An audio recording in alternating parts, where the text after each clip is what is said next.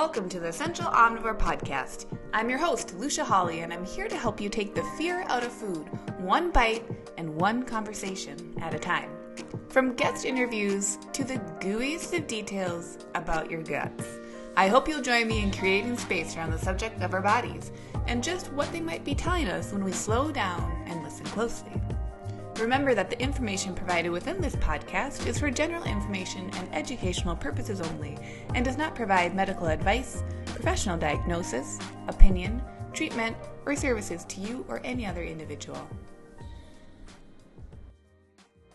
Hey, happy day. Um, uh, my mental state right now, I have the Applebee's tagline stuck in my head, and it's stuck there in a minor key. So if you if you want to if you want to know what that sounds like, do a little search. And if you want to compare notes with how it sounds in your head, you then send me a note and I'll send you my note. We'll we'll be passing notes just like you do in school. Did you know I was homeschooled? it's homeschooled from grade 3 to grade 10. So I was in school for grades 1, 2, 11 and 12 and it was all good every single grade. It was cool because i didn't really have grades in homeschool but like the years that went by when i was homeschooled those were cool too. Today thanks for listening and um, i wanted to provide a like a general thought on dieting and what what i feel like what i see happening with people who are chronically dieting. We've talked about having that be low calorie. We've talked about that being low variety in the types of food. We've talked about how oftentimes it's a low calorie and a high energy type of diet, like a lot of extra cardio, um, with the basis, the general idea that calories in, calories out is how you're going to lose weight. And if you're on a diet, then you're probably seeking to lose weight even if that's not a spoken um, goal, it often is a like a foundational underpinning of being on a diet just because of the society that we're in and what our society pushes us for that we might not even realize. So we've talked about all that stuff before and if you haven't listened, go back. We've got we've got a good old handful of episodes at this point. So today I just wanted to this won't be spoken word plug your ears. This won't be spoken word, but I just wanted to offer some general thoughts on what's happening with these different types of diets when we feel like a diet isn't working. So, what do we often do when we have a diet that doesn't work? Who do we we start we first start to blame, okay? And often that's a person that we start to blame. Few choices there. We either blame ourselves, we're bunk, we broke, we suck, or we blame the diet it's bunk, it's broke, it sucks. Or we blame the creator of the diet. Yeah, paleo people don't know what they're talking about. Vegans don't know what they're talking about. Whoever doesn't know what they're talking about. GAPS diet blows. And then what do we, what do, we do when we go past that? We say, okay, that diet didn't work, but I know someone who tried this other diet. Maybe I should try that one. So we go jump to the other type of diet, and likely that diet is different in one of many factors. Either it's a variety of foods, either it's a macronutrient that is being introduced or taken away, either it's a stark difference in caloric intake, or some combination of those.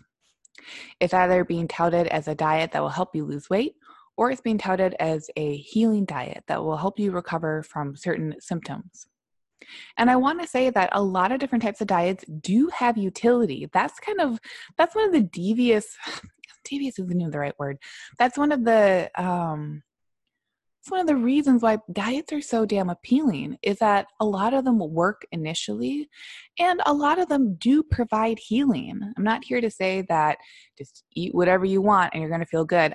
I sure as hell can't do that. I have to be aware of the foods that are coming in in order to be moving towards the wellness goals that I've set for myself or the the ways that I want my days to feel. There are certain foods that fuel that and certain foods that just don't. But what slays me is when people are jumping from diet to diet, protocol to protocol, and the learning isn't coming along with that. And the learning of why that protocol or diet is affecting change and how to troubleshoot or how to navigate when that diet inevitably hits a stalling point. Because I think if we were to recognize that any change we implement in food or nutrition, if we were to really recognize that at some point we're going to hit a stall, I think we could, like, I think a lot of us would probably sleep better at night, and it could perhaps provide a bit of relief knowing that no diet is going to be this silver bullet that completely changes our lives and is utterly perfect from day one. Any diet that we opt towards, any change, any shift in nutritional status is going to inform another step. So, any diet we undertake if we can recognize that there will be additional steps and that we will be okay when we're ready to recognize that we need that additional step, we need that time to shift, or that we've met our pivoting point, I feel like there would be so much more utility because that opens up the dialogue. It opens us up away from saying, This is the way, that's the way, I have it figured out, I don't have it figured out. Why do you have it figured out? Why did that work for you? Why didn't it work for me? It brings all these different styles of eating because, my God, right? Aren't there so many different ways of eating? You feel that yet? Isn't that why it's partially so damn confusing? Because there's so many different options. There have been so many different labels created because there are all these different foods that can come in, come out, calories in, out, macronutrients in, out, blah, blah, blah, blah, blah that's partially why the stuff is so confusing because there isn't one end all be all style of eating. There isn't one food that is pro inflammatory for everyone. There isn't this whole idea that can be applied to every single person at all times. There are certain structures that can be a paradigm that a lot of people can fit into initially. But once that paradigm ends, or once that paradigm doesn't feel like it's a structure that is learning and growing with a person, that's where I want today's dialogue to come in saying, okay, did something I did, that was that was not great sentence structure. When I did this thing and it worked for me, am I in a place right now where it is A, continuing to work for me, or B, it's not? If it's A, cool, dope, sweet, end this episode, you're done. If it's B, listen, this is not a time for a pity party. This is not a time for stress. When something stops working for you, this is a straight up invitation that you get to pivot and change. And in our modern culture of stress, pivoting, you're my dog, pivoting and changing are these additional stressors. So, of course, we don't want to do them. Of course, they're going to be painted in this awful light. They're going to be, oh my God, one more thing to think about, one more thing to do. I'm already stressed out. I'm already doing too much. I don't want to be thinking about one more thing. If that is how you're feeling, two things.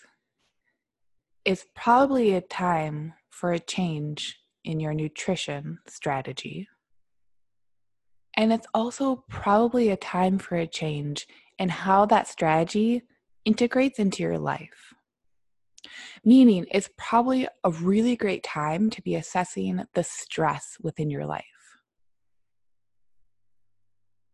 Because there are so many ways in which we can think about nutrition, but if we're like blowing our own gaskets every day, day in, day out, nitpicking the foods that are coming in, that nitpicking in an environment of stress is, and this is a bold thing to say, that alone is probably really, really difficult on your body.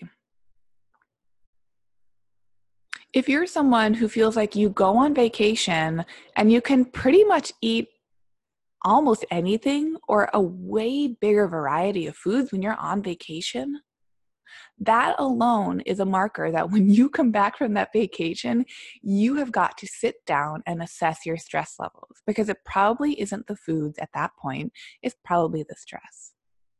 And we're in a culture where we are addicted to stress. And we are not bad because we are addicted to that stress. It's actually really reinforced in our society to be addicted to stress.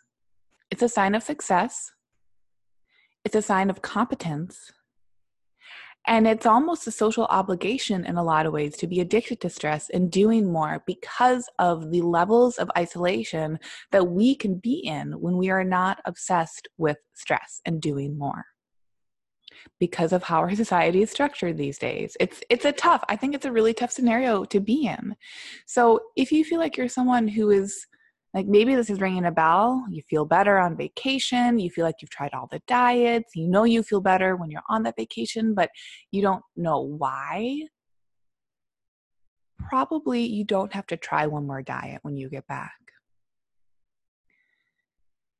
And probably you don't have to eat all the foods when you come back too. I think that stresses a lot of people out as well. They say, well, if I could eat everything on vacation, then I should just be able to come home and eat everything. But why do I feel like I can't do that? Why do I feel like I have these health symptoms that crop up when I do that at home, but not on vacation?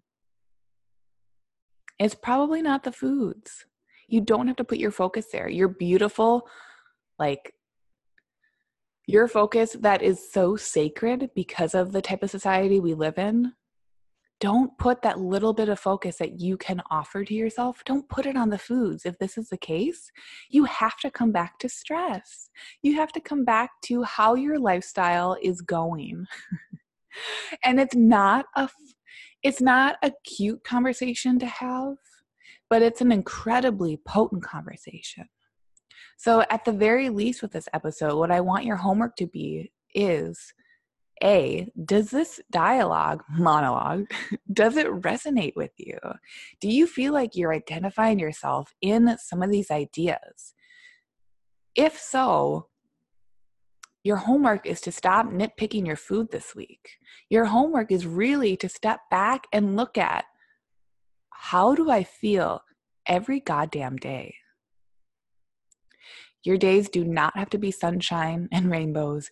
Spoiler, they won't, right? We're all humans. We're always going to have stressors that are going to crop up just because of life. There are going to be things that are completely out of our control or completely out of our ability to surmise or guess what's going to happen. But those factors that we are choosing, even the ones that we feel like we might not be choosing to a certain degree, things that feel like they're out of our control, like our job, like our family, like how we navigate our days, there is actually so much control within those days.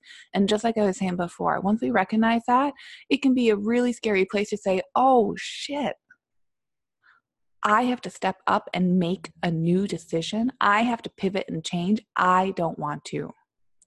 I am exhausted. I am fucking tired. If you're feeling that way, yo, I feel you. Mm, do I feel you? And yo, that is, that's the ticket. When you are feeling so exhausted and tired that you don't want to change, but you know change needs to happen, that's your answer. So now the work can be where do I very, very gingerly, where do I so beautifully start to eke out space for myself? Where do I elbow out these tiny stressors in my life? Some of these decisions probably won't be fun, but does it really matter if it helps you feel like more of yourself at the end of the day? If you can feel like more of yourself at the end of the day on repeat, well, what is life? What is a lifestyle? A lifestyle is just a repeated day that you're choosing. So, if lifestyle is stressful right now, how can we flip that? And how can we say, what can I choose? How can I set up my day so that by the end of it, I'm not stressed out to the maximum limit? So, this episode is perhaps a little bit different than ones in the past, where I want you to recognize that it might not be tweaking one more food source. It might not be, God, I just need to hit my protein goal a little bit more. It might not be, oof, I just need to clean up my paleo a little bit more. It can be those things, but it might not be. And today I want you to be thinking about is it actually the food for me? Or is it my stress? And if it is my stress, can I allow myself to recognize that this is an opportunity to create change?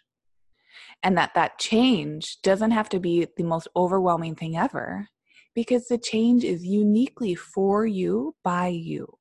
When you are so goddamn stressed out, you have the data points of what is stressing you the fuck out.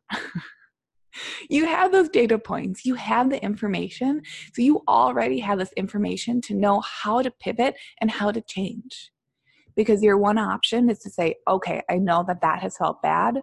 Let me try something different. That's all you need to know right now. All you need to know is I can try something different. I can choose something different. And it can be the smallest change. You don't have to go change everything. You can make one small change that at the end of the day makes you feel like more of yourself. Those changes are what build up to days that you can stand by and days that you can say, that didn't stress me out. Or that day did stress me out because of a stress that I could have never imagined, because of a heartbreak that I never would have expected that would have happened. But I have these other tools that I've been working on for that specifically for that specifically to happen. That's the name of the game, right? Isn't that why we make any of these changes? Isn't that why we look at our diet and nutrition? Because we're saying, hey, maybe I don't want to be grappling with this chronic disease.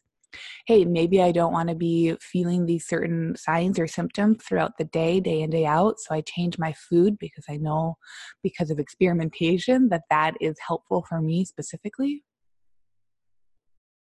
right? It's not about saying I'm going to be the healthiest person ever because being healthy is good. Screw that. Being healthy isn't good. Nothing's good or bad. You aren't good or bad. But it comes back to autonomy of choice, saying, I have this idea of how I want to feel, and I respect that idea in myself. So now I'm going to set up the structure of my days and life, because your life is just a it's just a bunch of days back to back. I'm going to set up that structure so that I can be moving towards that because I respect that in myself that I can deserve to feel how I want to feel. That's your homework for this week. Hey, thanks so much for joining along on today's episode.